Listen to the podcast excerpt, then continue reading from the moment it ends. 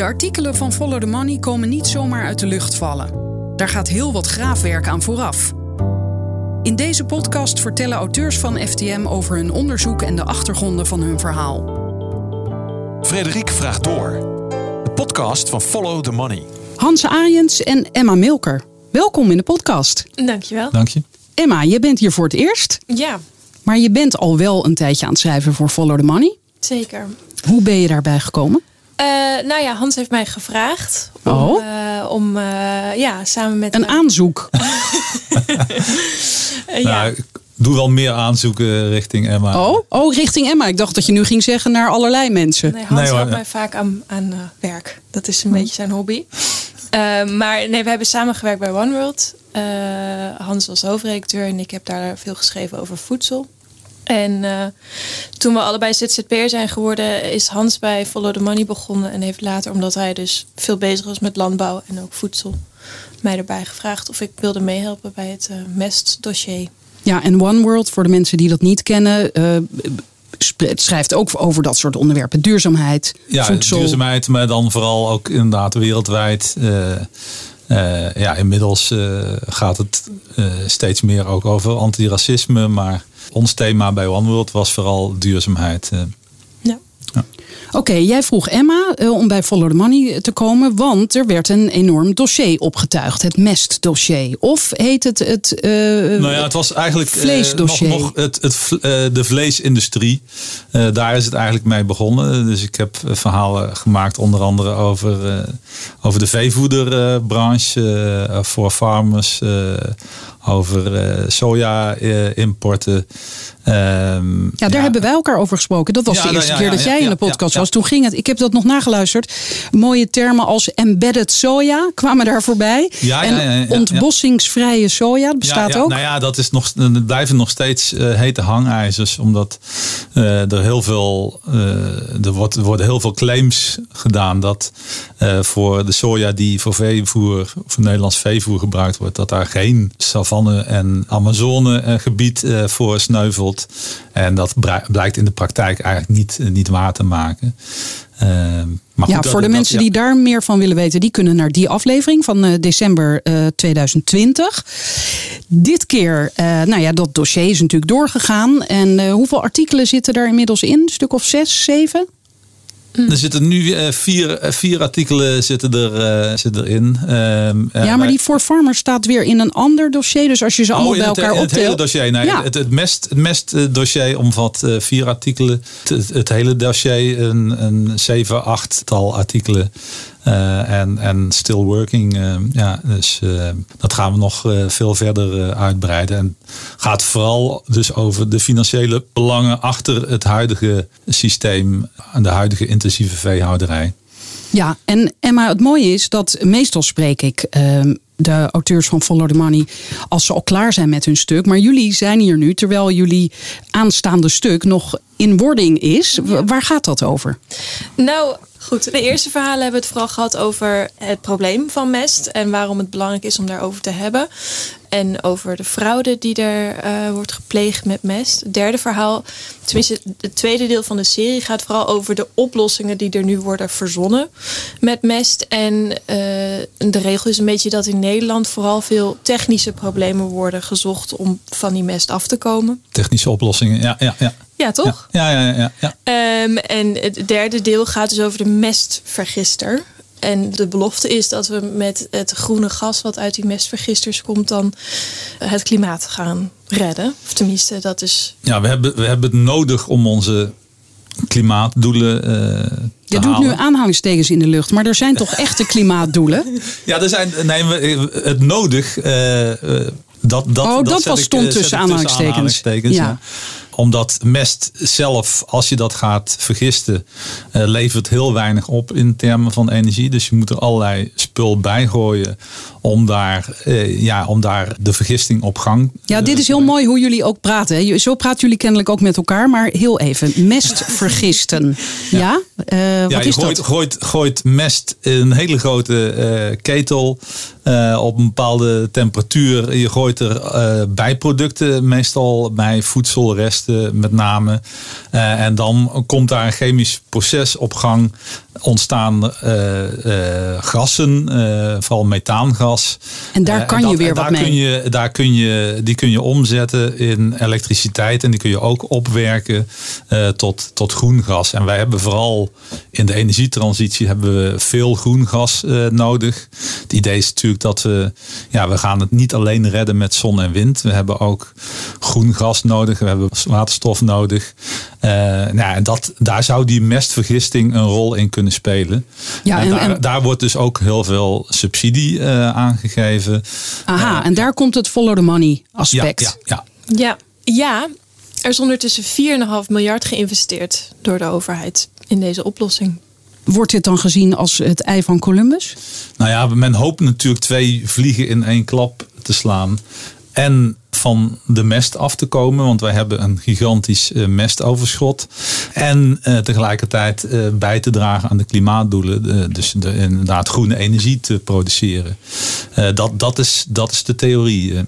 Ja, we komen straks op uh, hoe groot dat mestoverschot dan is en hoe groot het probleem is en of het een probleem is. Maar eerst even over wat jullie dus in jullie komende stuk gaan schrijven. Willen jullie, uh, wat gaan jullie laten zien? Die 4,5 miljard is voor niks uitgegeven? Nou ja, goed, het probleem, daar hadden we het zo net ook al over kort, is dat dat er dus van alles bij moet. Dus de, wat je vergist aan die mest, dat blijft al zo lang in die gierputten liggen. Er komt heel weinig methaan nog bij vrij. Dus er moet van alles bij. Uh, dat is niet efficiënt. En uh, eigenlijk is het best een inefficiënte manier om van aardgas biogas te maken. Dus je kunt je afvragen in welke mate dit bijdraagt.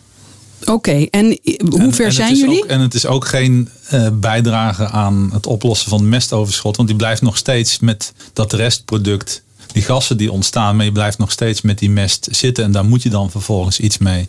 Want de methaan wordt eruit gehaald en daar kan iets mee gedaan worden. Maar wat overblijft is fosfaat en, wat was die ander ook alweer?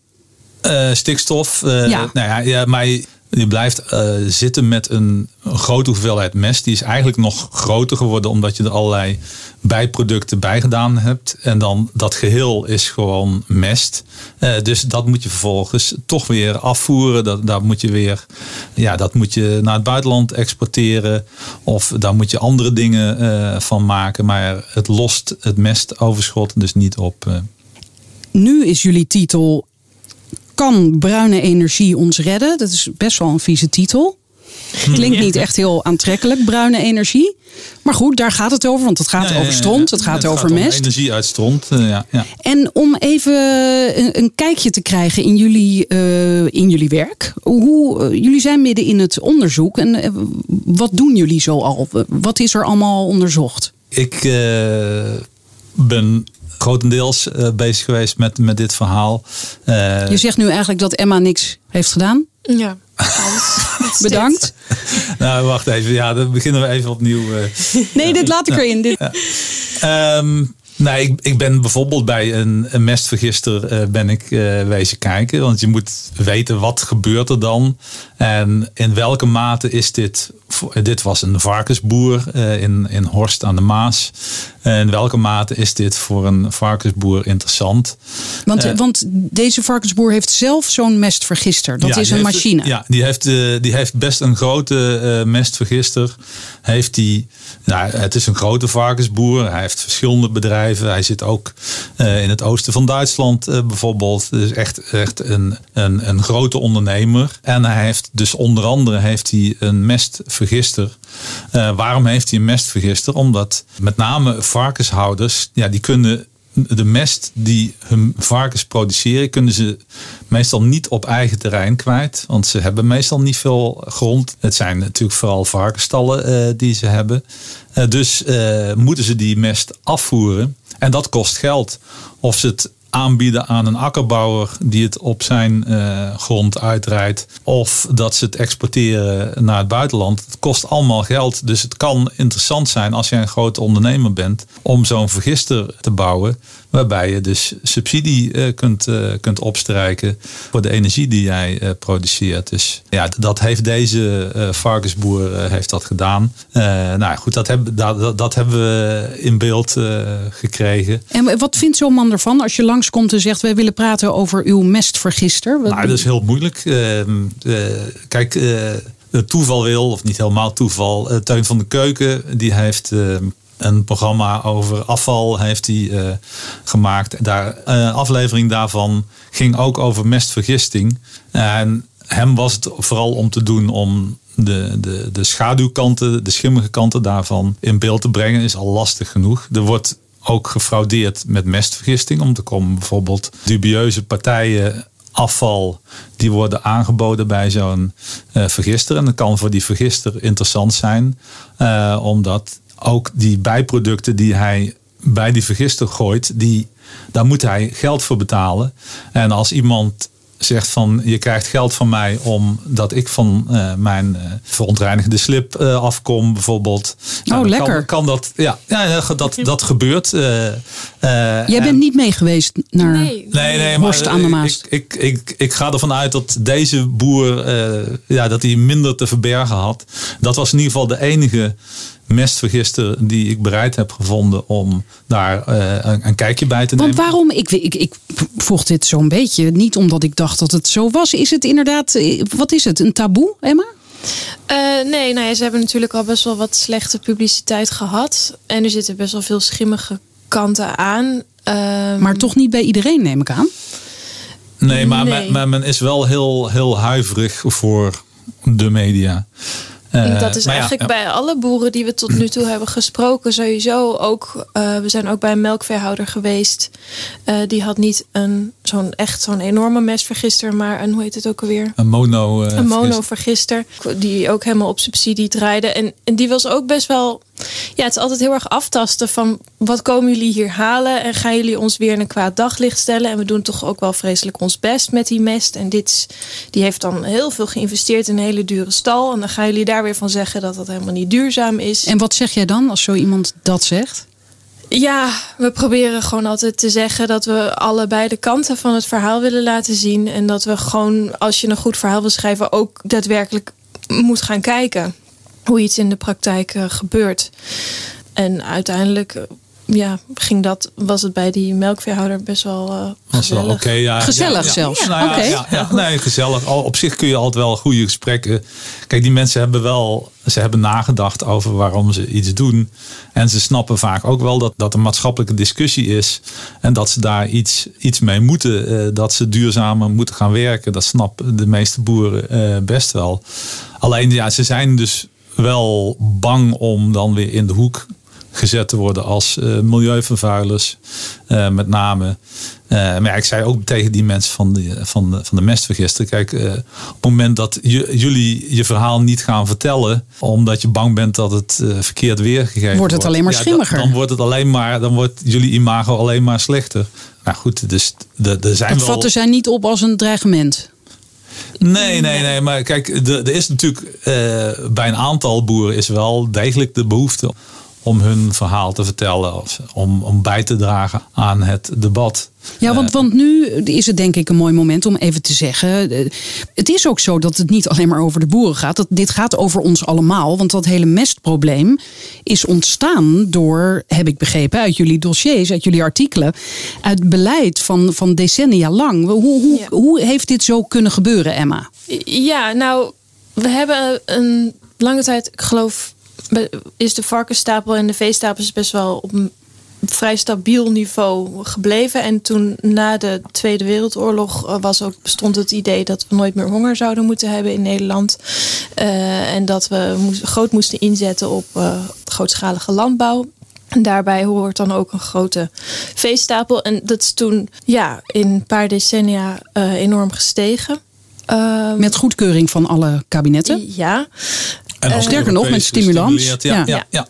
Uh, nou ja, dat is op zich een bekend verhaal, maar daarbij hoorde dus ook een enorme toename van mest. En eigenlijk in de jaren zeventig begon, uh, begon daar al mensen over te praten van dit kan eigenlijk niet meer. En, uh, en we lopen tegen een plafond aan. Vijftig jaar geleden dus? Ja. Ja. ja, ja. Werd daar toen naar geluisterd? Nou. Nee, nee. Dat, dat waren eigenlijk klokkenluiders die, ja, die, ze, werden niet het zwijgen opgelegd, maar er werd eigenlijk gewoon niks mee gedaan. Ook omdat inmiddels de belangen van van die hele vee-industrie best, best wel groot waren. En je hebt natuurlijk lange tijd ja, had je overproductie die natuurlijk ook het mestoverschot in de hand heeft gewerkt met de melkplas en, en de boterberg. en daarna is het melkquotum gekomen. Maar er, er, was nog steeds, ja, die productie is alsmaar doorgegaan. Uh, er werd ook steeds meer melk. Uh, de, de, veestapel is lange tijd uh, uit, uitgebreid. er kwam, werd steeds meer melk uit één koe gehaald. varkens die werden sneller vet gemest. Dus alles was op productieverhoging gericht. Zodanig dat wij nu, geloof ik, zijn we nou de grootste vleesfabriek ter wereld of een van de grootste? Een van, een van de grootste. Maar ja, wel een, ook een, ik geloof de een op na grootste importeur van soja. Ja. Wat in dat veevoer gaat. Ja, ja. ja. ja. kijk, tegen China kunnen wij niet, uh, nee. op, uh, bijvoorbeeld. Maar het probleem met die mestmissen is wat we dan van Jan Willem Eresman hebben gehoord. Uh, Wie is dat? Een, de mestprofessor, als we hem zo mogen noemen. Mm. die zij, we hebben vervolgens heel veel regels opgesteld. En er zijn allemaal best wel goede plannen uh, en, uh, ontstaan. Maar we hebben er nooit sancties aan verbonden. Dus er waren wel bepaalde plafonds die we hebben ingesteld. Maar vervolgens zijn er nooit penalties gekomen op boeren als ze het niet haalden. En als we dan die, die doelen niet haalden, dan gingen we die doelen dan weer naar beneden stellen. Um, Vanuit welke gedachte?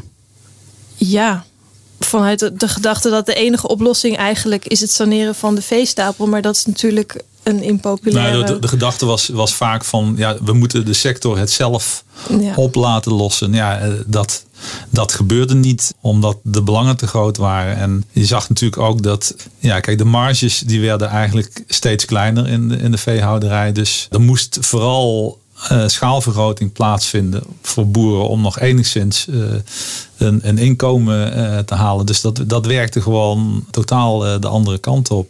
En omdat die marges zo klein zijn, hebben ze ook, neem ik aan, te weinig geld om iets met die mest te doen? Om, want dat kost vaak nou ook weer geld. Dat is een, een flinke kostenpost uh, voor hun.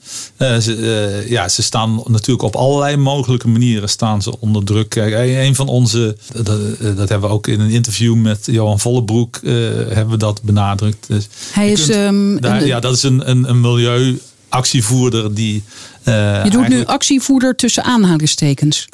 ja, maar hij, ja, hij, hij, hij voert recht. Hij uh, doet het via het recht. Dus dan vinden we het al wat minder hij, hij gaat niet de straat op, maar hij uh, spant aan de lopende band met zijn club procedures aan. En ook heel invloedrijk natuurlijk. Hij is de man achter het op slot zetten van Nederland met de stikstof. ja, want hoe ging dat ook weer? Even, maar dat willen we toch wel weten. Ja, hoe ging dat ook alweer? Hij, hij vertelde aan ons dat hij al heel lang bezig was met procederen omdat Nederland de doelen voor stikstof uh, niet haalt. Uh, dus daar overheen gaat. Dus de, beperking uh, van uitstoot. Ja, de beperking van de uitstoot van stikstof. Van stikstof, ja.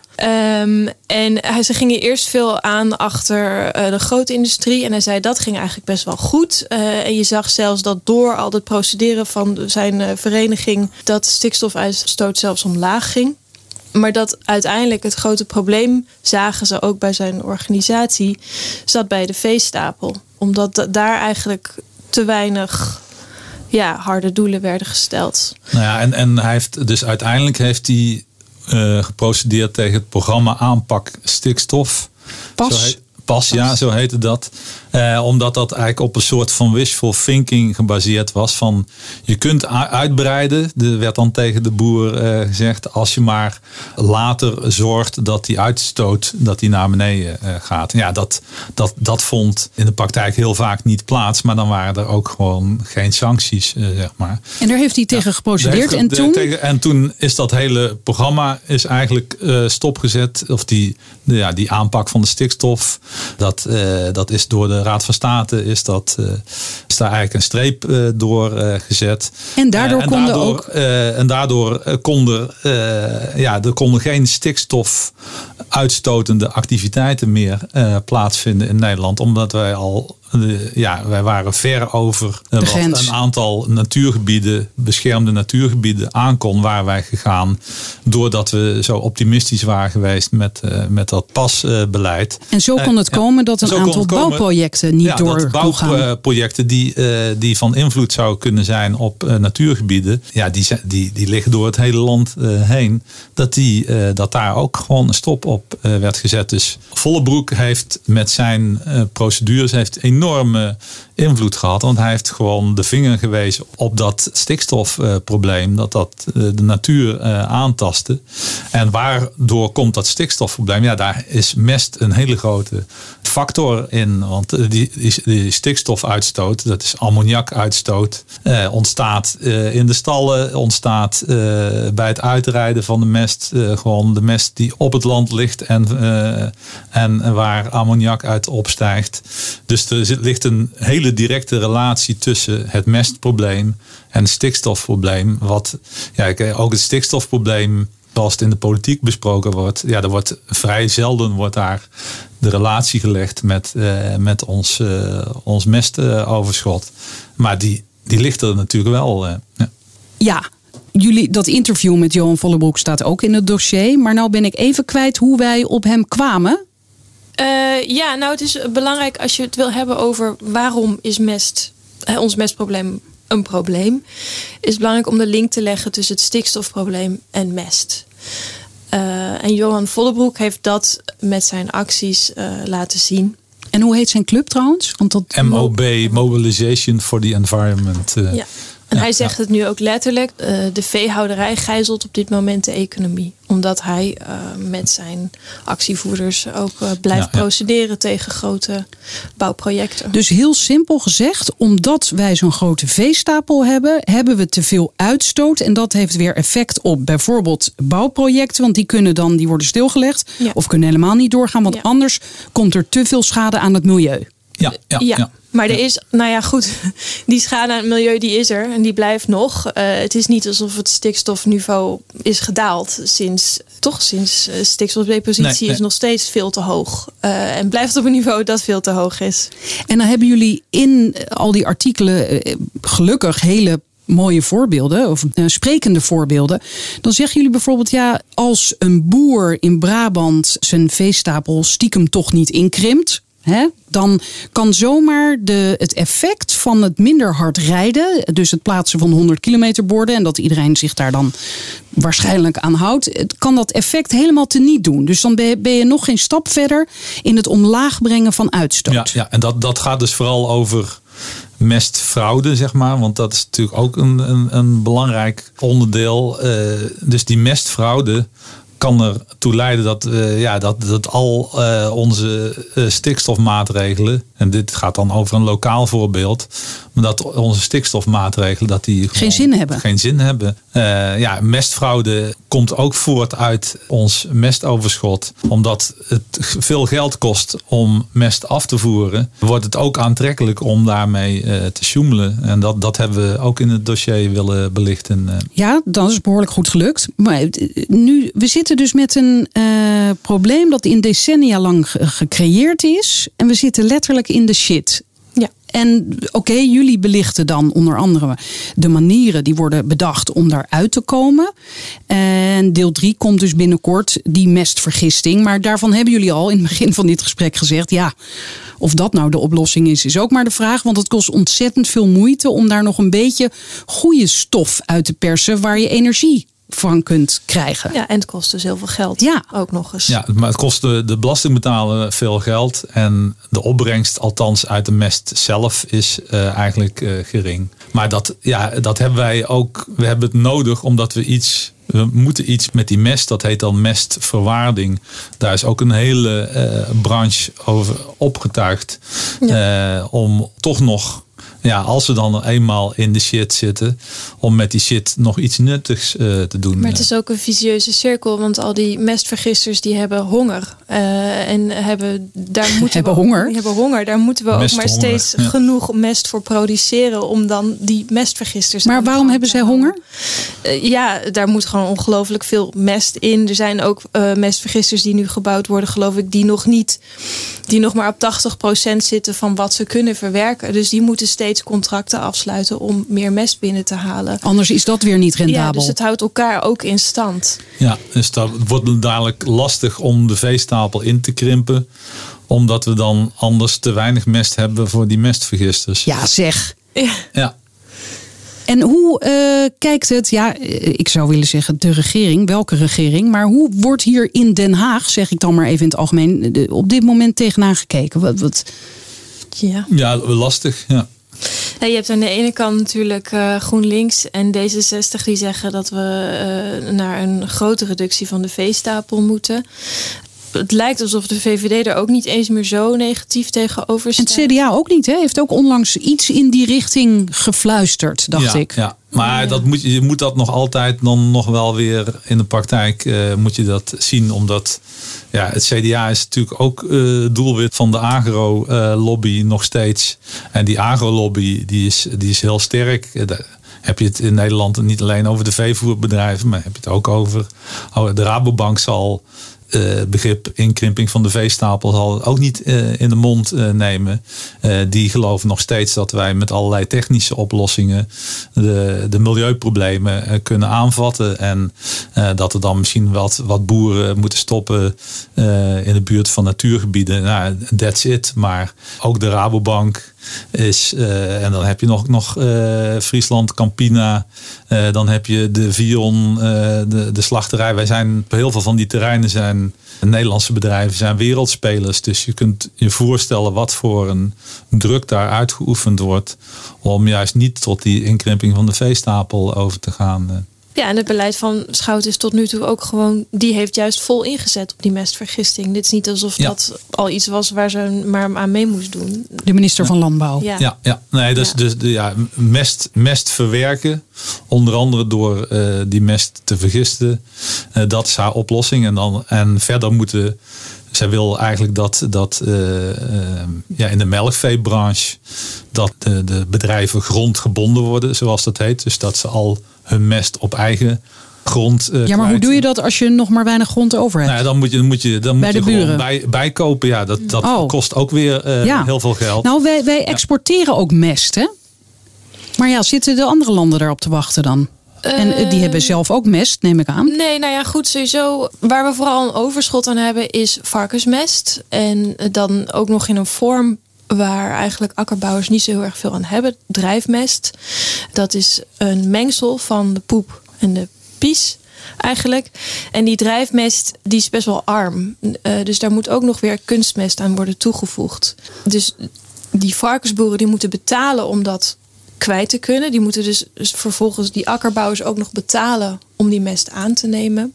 Ik betaal jou om mijn mest over te nemen. Dat is wel ernstig. Ja, dat, dat is het, het, de, de, de, de crux van het hele mestsysteem eh, op dit moment. Maar die, die export, stelt dat wat voor of is dat een heel klein beetje? Nee, dat, dat, dat is een groot gedeelte van het mestoverschot. De, verdwijnt de grens over, met name naar het oosten van Duitsland. Waar ze dus eh, wel nog zitten te wachten op onze mest. Maar eh, nou ja, het, het- kijk, eh, het mest is... Er wordt vaak van tevoren eh, gescheiden. eh, eh, zodat met name het fos, fosfaatrijke deel, de, de, dikke fractie heet dat dan. dat Nu die- gaan we echt diep. de dikke fractie. de dikke fractie, ja. Dat die grenzen overgaat. En nou ja, daar, daar, daar is wel belangstelling voor. Maar ook daar moeten we dus voor betalen. Aan de transportkosten zijn Ja. al flink. En wat doet dat? Een kilo mest? Weten jullie dat? Weet ik eigenlijk niet. Kilo mest. Ja, ik, weet- ik weet de precieze prijs. eh weet, Nee, ik weet zou ik even Dit was de hamvraag, jongens. Nee, hoor. Ja, ja, ja, ja. Nee, nee, nee. maar het, hangt, het hangt er dus vanaf of je hem bij een, bijvoorbeeld bij een mestverwerker aanbiedt. Of dat je hem inderdaad over de grens aflevert. Of dat je hem eh, bij een akkerbouwer eh, aanbiedt. Ja, ik Eh, snap het. Ja. Dus de, de, er zijn verschillende wegen om van die mest af te komen. Maar ze kosten allemaal eh, kosten ze geld. Volgens mij is het, is het 20 euro per ton als je het eh, bij de... 25. Huh? Ik, tenminste, Oh. ik hoorde van een akkerbouwer 25 euro per ton als je het aan een, aan een akkerbouwer Ja, wil vol- overdragen. nou Oké, dan hebben we een beetje een beeld. Ja. Tot slot, jullie zeggen ook in een van de eerste artikelen: goede mest stinkt niet. Ja. En vroeger stonk de mest ook niet. Kunnen we Nou ja. ooit, hoe hoe Ja. zit dat en kunnen we daar ooit nog naar terug? Daar hebben we geloof ik ook nog reacties op gehad dat mensen zeiden dat het al altijd al stonk en dat we daar. Maar wat bedoelen jullie daarmee? Ja, goed. Voordat Anders, die, het stinkt anders in ieder geval. ja, stinkt anders. Het is nu, waar ik het al over had, is die combinatie van poep en pies, dus die drijfmest. Dat eh, levert een ammoniakverbinding op die best wel stinkt, denk ik, ja. Eh, maar waar boeren vroeger mee werkten en waar akkerbouwers nu ook nog veel meer op zitten te Je, wachten, je is bent bij zo'n akkerbouwer geweest. ja, die, ja, is ja. ruige stalmest. En ruige stalmest is alleen de poep vermengd met stro. En die komt gewoon. Echt die lekkere mest. Ja, dat is lekker. Dat is ook voedzaam. En daar Maar je, kunnen je ze hebt dat daar ook geroken. Nou. Was het lekker? Ja. Nee, ik, ik weet niet. Ik vind het sowieso op het platteland niet zo lekker ruiken. Maar dat. Nou ja, goed. Eh, in ieder geval. Ja, dus die ruige stalmest, daar kunnen ze ook wat mee. En Maar kunnen we daar ooit nog naar terug? Of, of is dat gewoon eh, die, Nou, die mooie is- oude tijd? dat er zoveel is in geïnvesteerd in die stallen met die tovervloeren. Eh, dus vloeren waarin eh dunne fractie eh, wordt, snel wordt afgevoerd. Of waar het samen. De dunne fractie is Maar de vies. drijf, drijfmest Ja, wordt ja. afgevoerd. Ja, In- ja, ja. Ik geloof het kost tonnen voor een, eh, voor een boer om daarin te investeren. Ook alweer, ja. Nou ja, kijk, de, de boeren die Ja. hebben al moeten investeren in luchtwassers, of de, de, de varkensboeren. Eh, Luchtwassers? luchtwassers om te zorgen dat er minder geuroverlast was en om ook eh ammoniakuitstoot uit de stallen om die eh, te beperken. Eh, En dan zouden ze ook nog een keer, mensen zijn het wel over eens dat het beter is als je die poep en pies scheidt. Maar ja, dan zouden ze ook nog weer moeten investeren in stalsystemen die Ja. dat mogelijk maken. En Nou, je hoort het al, Een dat- ouderwetse stal. Dat is een stal die ze hadden. Een potstal. Ja, maar dat, dat, dat was natuurlijk allemaal heel kleinschalig. Kleinschalig. eh, en ik denk ook niet heel efficiënt. Maar ja, dus boeren hebben het op dit moment al lastig. Veel boeren. eh, eh, Ja, ik begrijp het. Dit al, is al, een, eh, Ja. Eigenlijk al met het water aan de lippen. En dan, als ze dan nog weer eens moeten Nee. investeren, dan, dan trekken ze dat niet. En dat, dat is een van de grote problemen op dit moment. Ook met, dus met, met de stikstofcrisis. Oké, ik wilde afronden, maar toch. Emma, jij zegt van ik vind het eigenlijk altijd al stinken op het platteland. Maar wat doe je dan in dit dossier? Ehm, goh, ja. Oh, Wat boeit wel- jou zo aan dit onderwerp? Wat boeit me zo? Nou, ik vind het. Ik heb het altijd met voedsel heel interessant gevonden. Al toen ik bij One World erover schreef dat het zo vol zit met van die rare tegenstellingen. Dus dat we genoeg eten hebben in de wereld, maar vanwege logistieke problemen nog steeds mensen honger hebben. En ja, wat ik er in Nederland heel boeiend aan vind is dat het zoveel uitmaakt voor hoe ons land eruit ziet. Dat we vaak niet helemaal doorhebben hoeveel eh, Nederland wordt ingericht door, door boeren. En hoeveel te maken heeft met hoe de natuur eruit ziet in Nederland. Je, je bent ook anders gaan kijken naar Ja, het landschap, denk ik, hierdoor. Ja, ja. Het is eh, vroeger dan keek ik om me heen en dacht ik, dit is blijkbaar hoe natuur eruit ziet. Maar dat, is, dat hoeft helemaal niet zo te zijn. Eh, De, de term grasvalt eh, viel de vorige keer nog in een interview. Dus, Grasvalt? Eh, grasvalt. Dus al die, die lappen Engels rijgras waar niks in leeft. eh, dat, had niet, dat hoeft niet zo te zijn. En dat was vroeger ook niet zo. Toen leefden daar ook nog gewoon vogels en van alles. Ja, dus dat vind ik er zelf wel heel erg boeiend aan. Ja, en we zijn ook nog, het was een soort sideline, maar we zijn ook eh, in een van die grote natuurgebieden geweest. Een van die Natura 2000 gebieden, de Campina in Brabant. En dan zie je ook gewoon wat die Dat gebied heet de Campina. De Campina heet het, ja. ja, ja. En dan zie je wat, wat eh, die stikstofdepositie, wat die, wat die doet. Dat leidt tot een, ja, een minder soortenrijkdom. Eh, grassen die eh, doen het goed. brandnetels doen het goed. Bramen doen het goed. Maar de kwetsbare plantjes die, die verdwijnen. Het wordt dan veel intoniger. En ja, dat heeft zijn invloed op de hele biodiversiteit. Dat, dat vermindert het aantal insecten. Daardoor weer het aantal vogels. Dus die gebieden die worden gewoon echt. Ja, je, je kunt dat gewoon ook echt zien hoe dat natuur aantasten. wordt vaak een beetje laatdunkend over gedaan. Van, het gaat toch prima met de natuur in Nederland. Ja, dat is alleen maar bij, bij hele oppervlakkige eh, beschouwingen. Maar als je daar uh, een beetje beter gaat kijken, dan zie je wat er, wat er gebeurt. En wij hebben dat laten gebeuren de afgelopen tientallen jaren. Het is ook niet meer helemaal terug te draaien. Uh, zelfs als we nu 75% eh, van de veestapel gaan uh, reduceren, dan moeten we nog steeds een heleboel soorten afschrijven. Dus het is ook al. Goed, Emma, bedankt voor deze opbeurende laatste opmerking. Nou, ik hoor in ieder geval dat jullie voorlopig nog wel even bezig zijn met dit dossier. Dus interessant en bedankt voor nu. Oké. Ja, geen dank. Graag gedaan. Hoera! Follow the Money heeft 30.000 leden. Zonder die leden is er geen onderzoek. Ook lid worden? Ga naar ftm.nl. Dankjewel.